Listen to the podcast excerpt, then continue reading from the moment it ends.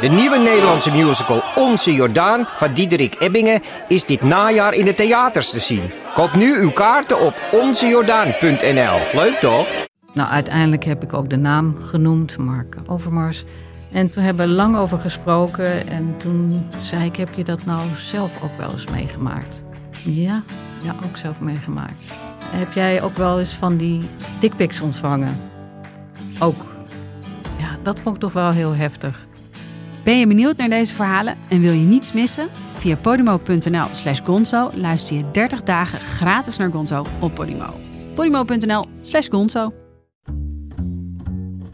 Hallo, vanaf de redactie van de Groene Amsterdammer is dit uw wekelijkse podcast. Ik ben Kees van der Bos. Eeuwenlang hebben de Nederlandse staat en zijn vertegenwoordigers slavernij mogelijk gemaakt, gestimuleerd, in stand gehouden en ervan geprofiteerd. Eeuwenlang zijn de naam van de Nederlandse staat mensen tot handelswaar gemaakt, uitgebuit en mishandeld.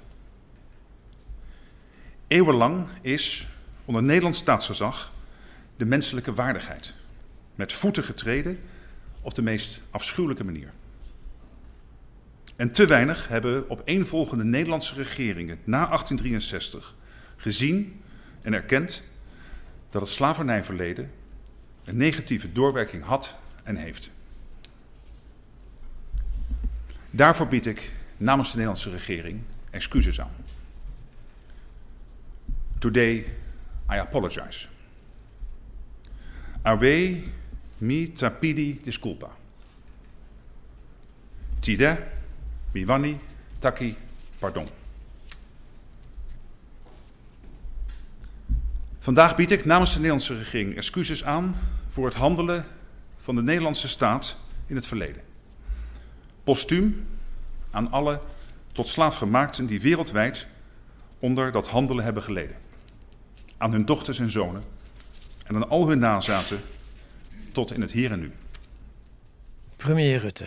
Hij sprak deze historische woorden december vorig jaar, staande in het Nationaal Archief in Den Haag, de plaats waar de gruwelijke geschiedenis van de slavernij is gedocumenteerd.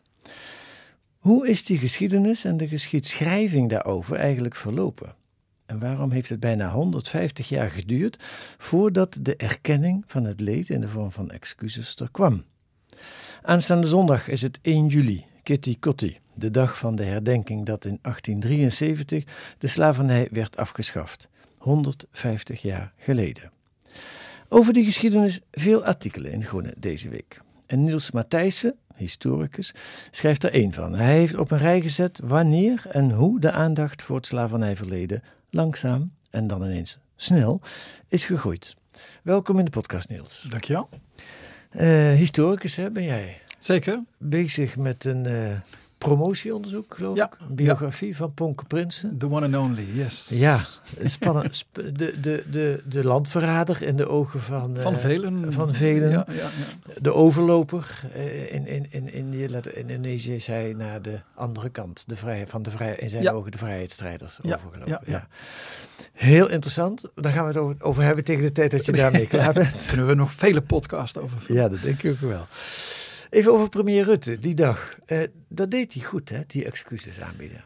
Um, uh, ik denk het wel. De commentaren uh, waren positief. zeker afgezet tegenover de aanloop van die excuses. Hè. De weken daarvoor was er veel kritiek. Ja. En deze woorden waren, ja, waren, waren goed, vonden, vonden velen. Ja. Uh, vooral ook dat hij meteen zei dat het een uh, misdaad tegen de menselijkheid betrof. Uh, ja, ja dat, dat was goed. Ja. Dat hij ook namen noemde van ehm, ehm, verzetshelden. Tula heeft hij ja, genoemd. Dat hij ja. ook verschillende plekken noemde. Bijvoorbeeld ook de, de slavernij in het Indische Oceaangebied, Nederlands-Indië. Nou, enfin, er was veel goed aan. Ja, ja. Ja. Wat er ook in die toespraak zat, dat vond ik ook wel mooi, was zijn eigen ontwikkeling. Dat Mhm. hij beschreef van uh, een jaar of tien geleden, nou, hij noemde geen datum, maar eerst dacht ik, wat, voor, wat moet het nou 150 jaar na, wat hebben wij nog met de slavernij te maken? En dat hij zich van daaruit ontwikkeld heeft naar dat standpunt vorig jaar. Ja. Uh, en met name de erkenning dat die slavernij op een bepaalde manier nog steeds voortduurt. Ja. Niet in de vorm van slavernij, maar racisme, eh, discriminatie, eh, dat is er rechtstreeks een gevolg van die Mhm. slavernij. Hè? Ja. Ja, dat klopt. En die, ehm, ehm, ja, ik, ik twijfelde eh, daar wel bij. Want ehm, het werd ook heel nadrukkelijk gezegd dat premier Rutte vanuit zijn functie namens het kabinet excuses aanbood. Ja.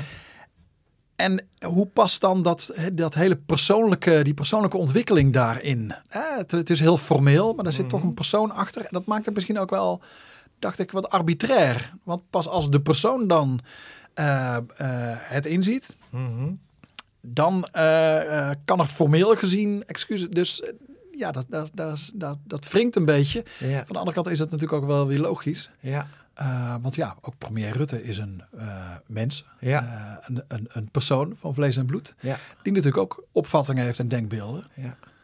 Nou ja, wat ik er wel mooi aan vond, is dat ik een deel daarvan ook in mezelf herkende. Mhm. Dat ik ook eh 10, 15 jaar geleden, ik kan het ook niet zo precies dateren, maar niet meteen dacht, ja, we moeten het over slavernij hebben, want Ja. dat is nu een belangrijk onderwerp. En dat ik daarin gegroeid ben, dat ik dat ben gaan realiseren, dat Ja. het een belangrijk onderwerp is. En dat vond ik er wel mooi aan, dat hij die twijfels meenam. Maar er werd ook gezegd dat, dat, eh, eh, dat het daarom ook wel sterk was. Want eigenlijk nam hij mensen die, eh, precies wat jij nu beschrijft, eerder dachten, ja, waarom moet dat nog? Nam je eigenlijk mee. Ja, En daardoor bereikte hij een, nog een, een groter publiek dan dat hij eh, had gedaan als hij dat achterwege had gelaten. ja.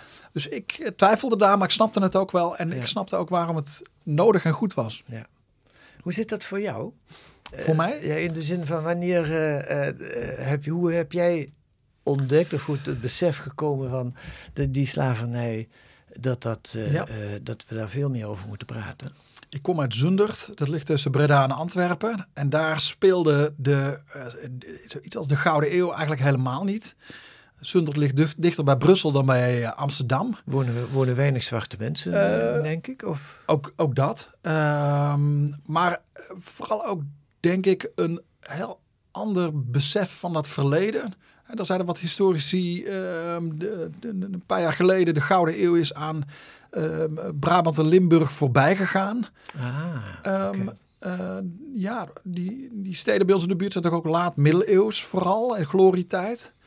Eh, dus, en er- er speelde Tweede Wereldoorlog verhalen speelde in mijn familie dan eh, een rol. Mhm. Maar dat hele koloniale verleden eigenlijk helemaal niet. Ook niet Nederlands-Indië, de oorlog ehm, ehm, eh, in Indonesië, de on- onafhankelijkheidsoorlog, de revolutie. Mhm.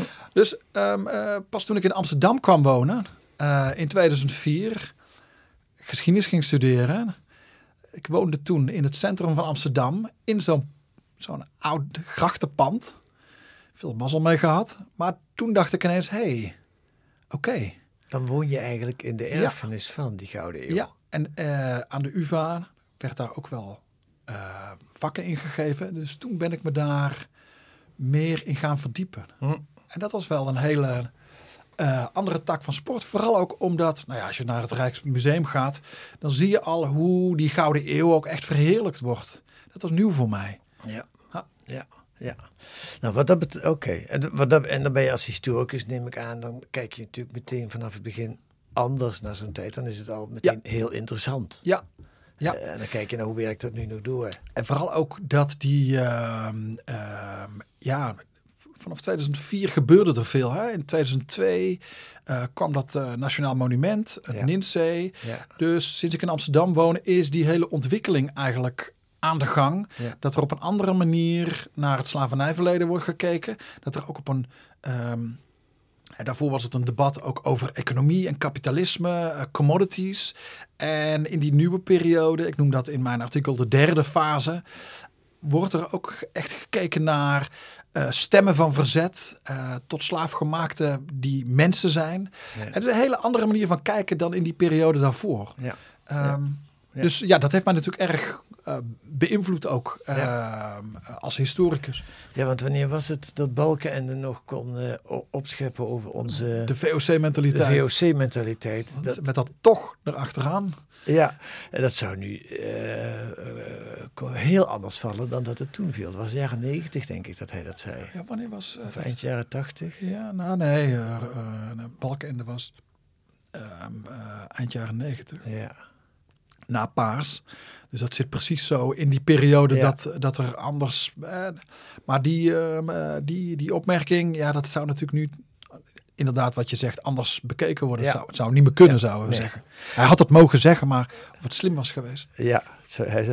nou dat is, dat, dat intrigeert me. Ik weet niet hoe ver je dat als historicus kunt duiden. Kijk, jij hebt dus in jouw artikel beschreven, daar komen we straks nog een aantal dingen eh, eh, terug, hoe in het verleden, al na de oorlog mensen, eh, en ook voor de oorlog, mensen schreven over de, de slavernij.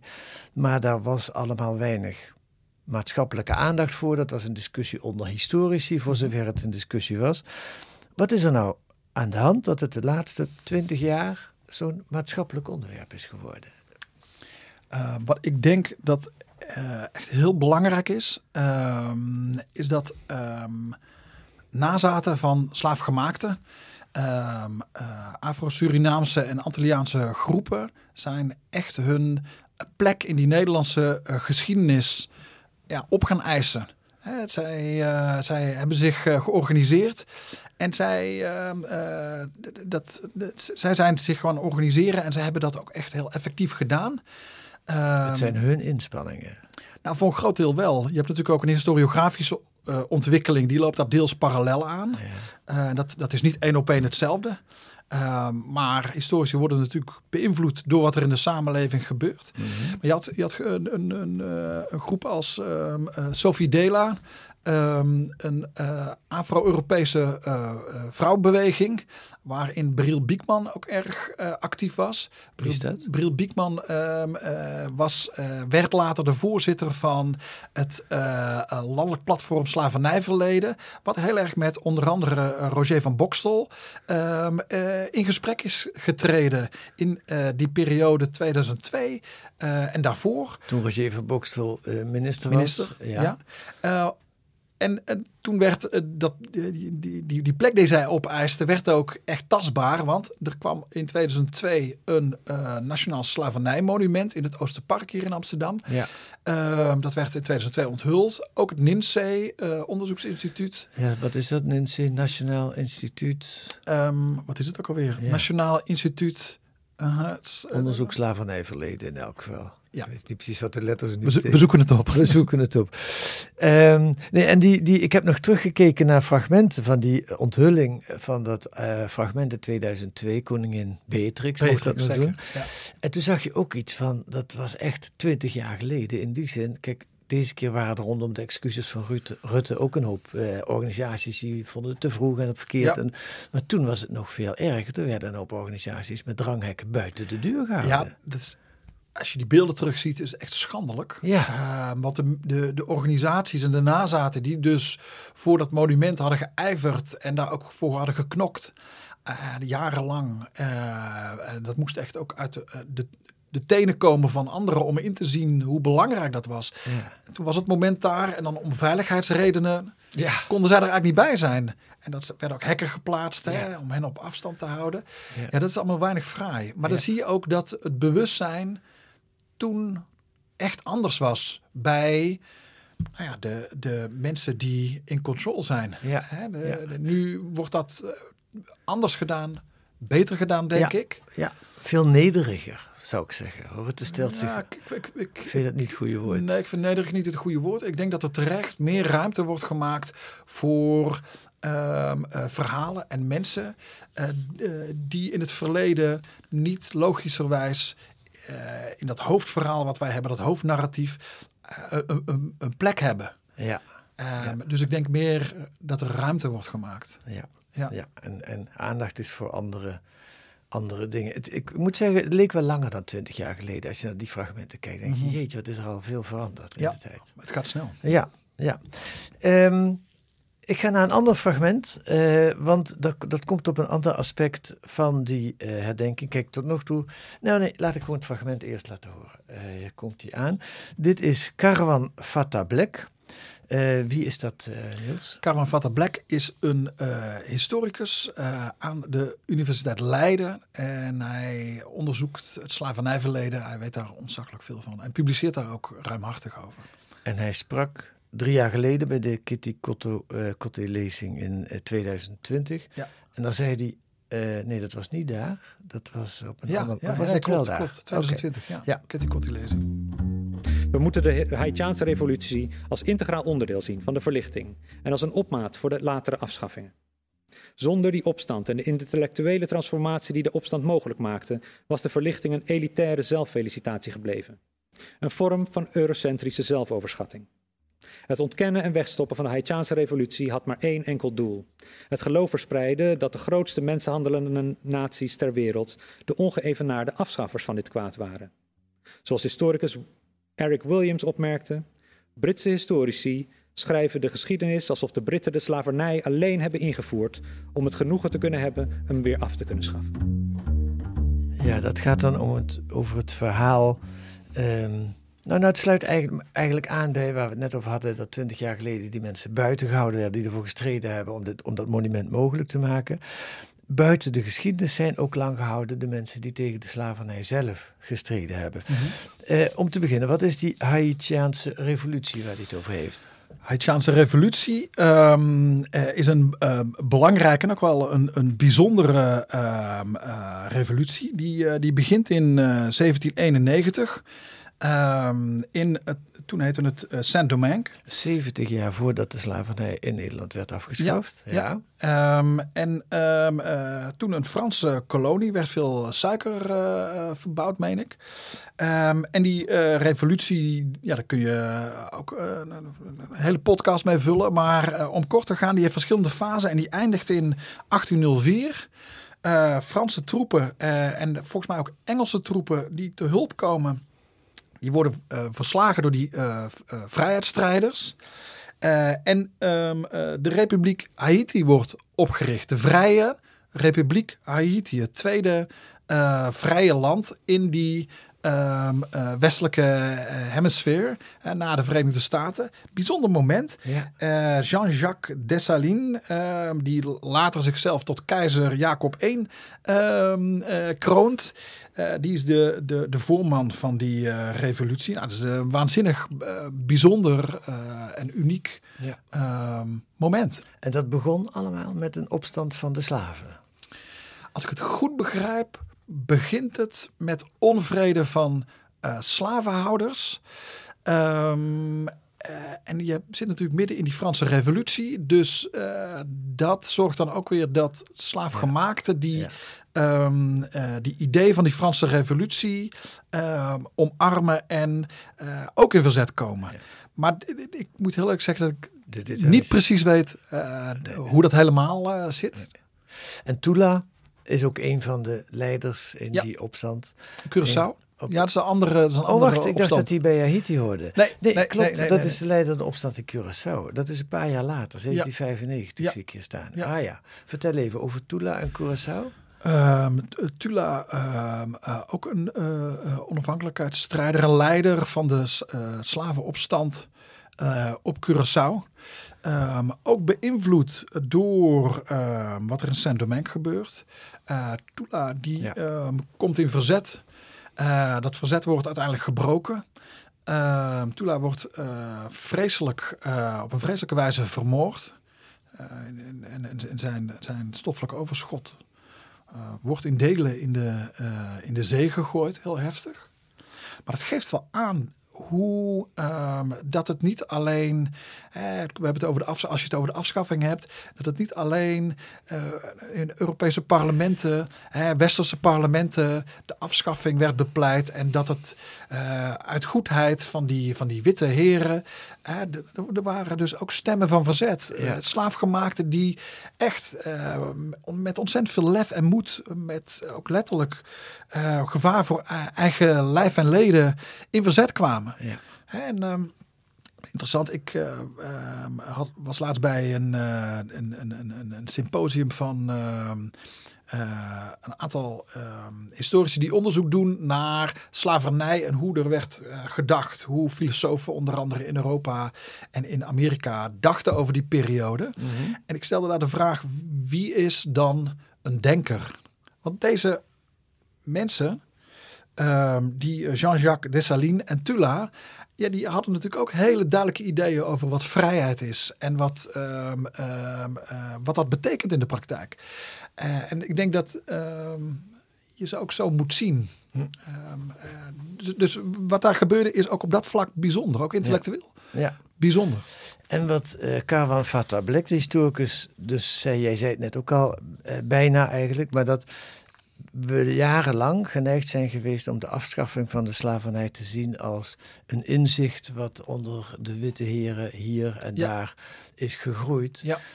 Terwijl dat verzet daartegen eigenlijk lang verzwegen is. Eh, lang gezwegen, niet opgemerkt. Ik, ik heb wel eens gehoord dat een historicus zei, gewoon een, een, een, goede, wel, eh, welbekende historicus zei van ja, er was eigenlijk geen verzet tegen de slavernij. Ja, hallo. Ja. En, en de tot slaaf gemaakte dan, wat, dat, die neem je dan niet mee. Dat is Ja. natuurlijk een vreemde opmerking. Maar Ja. ik denk wel dat er lang zo gekeken Ja, is. er, was geen, er werd geen aandacht aan gegeven. Nee, Het werd niet groter gemaakt. heel bijzonder. Ja, ja.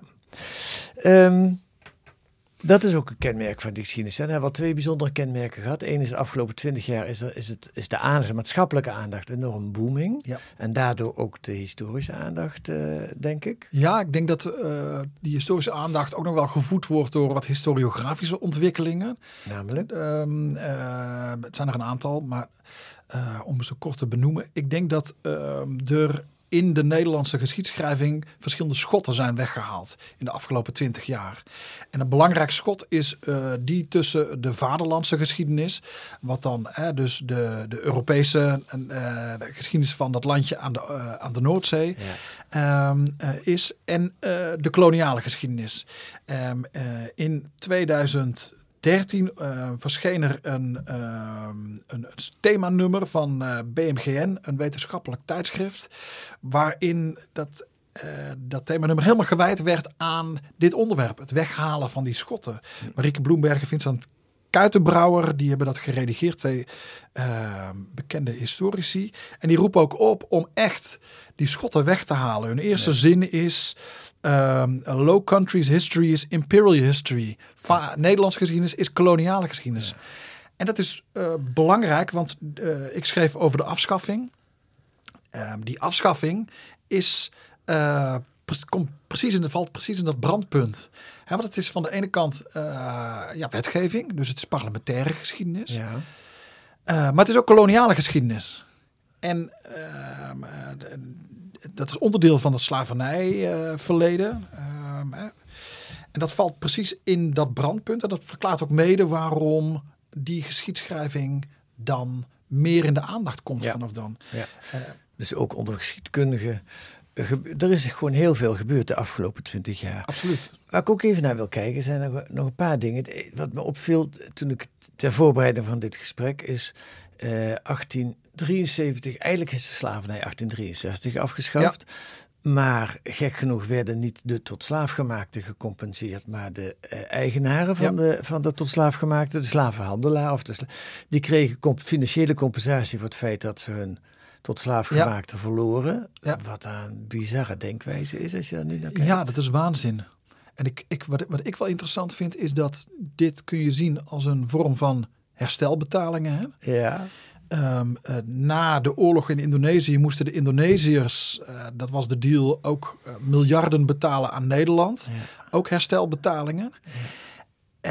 En, en als je nu in het slavernijdebat, hè, in dat gesprek, het over, slavernij, over herstelbetalingen hebt aan zwarte mensen, dan stijgen er heel veel mensen. Maar we beseffen dus niet dat er veel witte mensen in het verleden allang Ja. hiermee te maken hebben gehad, geld hebben gekregen. Ja, dat is onvoorstelbaar eigenlijk. Hè? Ja, en waarom 1873 toch aangehouden wordt, want Mhm. luisteraar, als je terugtelt 150 jaar van nu, dan kom je niet bij 1863 uit, maar bij 1873.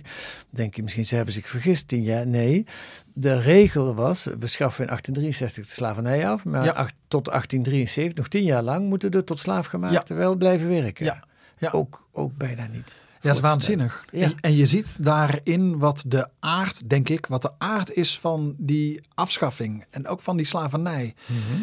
Ehm, die, ehm, en aanvankelijk waren er veel eh, mensen in Nederland, de elite hebben het dan over, tegen afschaffing van slavernij. Want zij hadden daar financieel eh, ge- gewin van.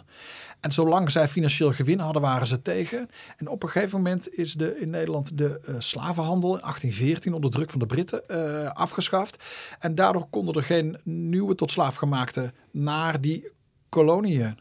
Dus die, eh, dat aantal slaven nam af. Daardoor kwam bijvoorbeeld Suriname, de kolonie, in gevaar. Eh, want er was niet genoeg arbeidskracht op termijn. En op een gegeven moment werd het dus eh, economisch rendabel om het af te schaffen en die, eh, die arbeidskracht op een andere manier te gaan organiseren. Ja. En ehm, je, die eh, afschaffing, dat is een pakket van vier delen. En daar zie je ook dit economische aspect heel erg duidelijk in.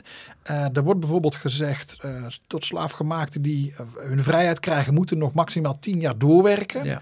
En in die wetgeving wordt ook meteen het contractarbeid geregeld. Er, worden, wordt dan vastgelegd, er zullen contractarbeiders uit India, uit Java gehaald worden naar Suriname, Ja. zodat die ehm, eh, plantage of die, die, die eh, kolonie eh, voort kan bestaan. En wel genoeg arbeidskracht heeft. Economie, ja, economisch Ja. geld, Ja. geld verdienen. Ja. veel meer dus dan de goedheid van de witte man. Absoluut. Ja. Ook, ook goed om wel te zeggen dat er dus ook ehm, eh, in, in Nederland parlementariërs eh, bijvoorbeeld waren die eh, de nadruk legden op de vreedheid van het, de slavernij. Ehm, en, en dat er ook toneelstukken waren al eerder. En ja. dat was er ook, maar veel minder en niet de hoofdmoot. Ja. Ja. Goed om daar even die nuance. Ja, eh, nee, zeker. Nou, dat, dat hebben we volgens mij nu wel goed aangebracht. Er is er eigenlijk nog één vraag. Ja, er zijn een heleboel vragen die, die ik nog te stellen heb. Als ik het goed las, dan is in eh, de Indonesië-archipel, sowieso is dat iets van de laatste jaren, dat, dat voor mij in elk geval, maar volgens mij ook voor veel mensen bekend geworden is, dat daar nog veel meer slaven weggehaald zijn dan Absoluut. uit Afrika. Ja, ja.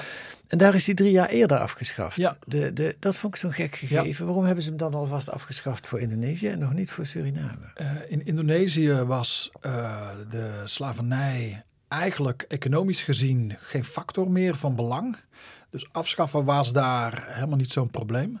Ehm, ze hebben er eigenlijk relatief nog lang mee gewacht. Dat vertelt Reggie Bai eh, in, in het artikel.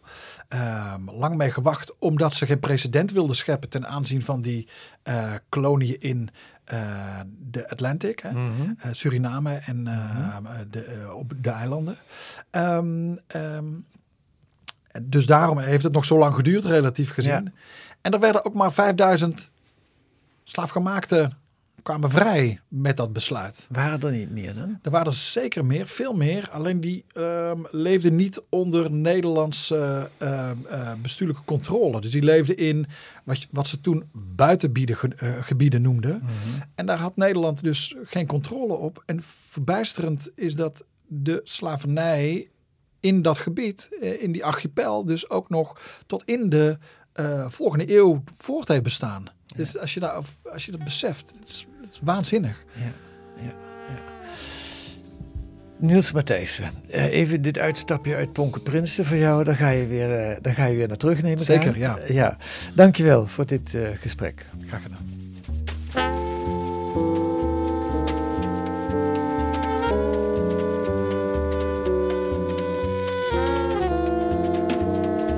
Wat staat er nog meer deze week in De Groene? Na, naast het artikel van Niels Matthijssen staan er nog drie mooie artikelen over de slavernij. Onder andere over die opstand te Curaçao van eh, Tula en nog twee andere artikelen. Lees dat.